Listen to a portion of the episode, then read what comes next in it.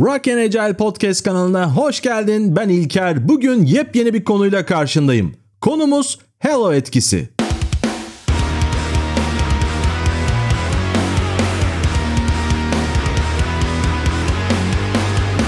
Bu olguyu ilk defa tanımlayan kişi Edward Thorndike'tır.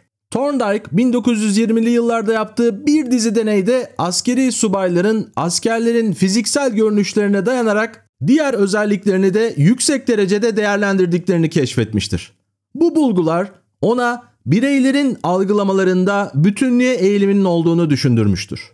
Hello etkisi bireyler üzerindeki ilk izleniminin kişinin diğer özellikleri hakkında genelleme yapılmasına sebep olan bir etkidir. Bu etki genellikle bir kişinin göze çarpan bir özelliğinin diğer tüm karakteristiklerinde olumlu veya olumsuz yönde algılanmasına yol açar. Örneğin fiziksel olarak çekici bir insanın zeki, neşeli ya da başarılı olduğu varsayımı buna örnek olarak gösterilebilir. Kişisel yargılarda bulunurken sıkça karşılaşılan bir durum olan halo etkisi sosyal ve iş hayatı senaryolarında etkisini gösterebilir. İş görüşmeleri, akademik değerlendirme süreçleri, liderlik değerlendirmeleri ve hatta günlük sosyal etkileşimler bu etkinin görülebileceği alanlardandır.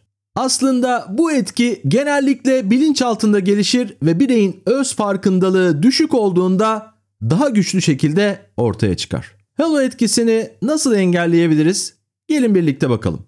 Bu etkiyi engellemenin yolları arasında şahsi yargı ve karar verme süreçlerimizde daha analitik ve eleştirel düşünme pratiği yapmak gerekir. Birey olarak genellikle ilk izlenimlerin ötesine geçerek kişi veya durum hakkında daha fazla bilgi edinmek ve derinlemesine analiz yapmak daha doğru olacaktır. Kişiler arası iletişimde ve özellikle profesyonel ortamlarda çeşitliliğe ve çok yönlülüğe açık olmak da halo etkisini engellemenin önemli bileşenlerinden biridir. Farklı bakış açılarına ve deneyimlere değer vermek genel bir yargıda bulunmadan önce birden fazla faktörü dikkate almamıza olanak tanır. Özellikle yöneticiler ve insan kaynakları uzmanları için adil ve dengeli bir değerlendirme sistemini hayata geçirmek bu psikolojik fenomene karşı etkili bir önlem olabilir. Bu sistem performans değerlendirmelerinde ve işe alım süreçlerinde bireysel başarılara ve yetkinliklere odaklanarak yüzeysel etkilerden kaçınmayı amaçlar. Diğer taraftan bireyler olarak kendi ön yargılarımızın farkında olmak ve sürekli kendimize eğiterek empati ve kritik düşünme becerilerimizi geliştirmek de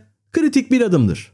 Kendi düşünme biçimimizi sorgulamak ve farklı perspektifleri anlamaya çalışarak bireylerin ve durumların değerlerini daha objektif bir şekilde değerlendirmemiz gerekir. Bu bölümü dinlediğin için çok teşekkür ediyorum. Bir sonraki bölümde görüşmek üzere. Kendine çok iyi bak.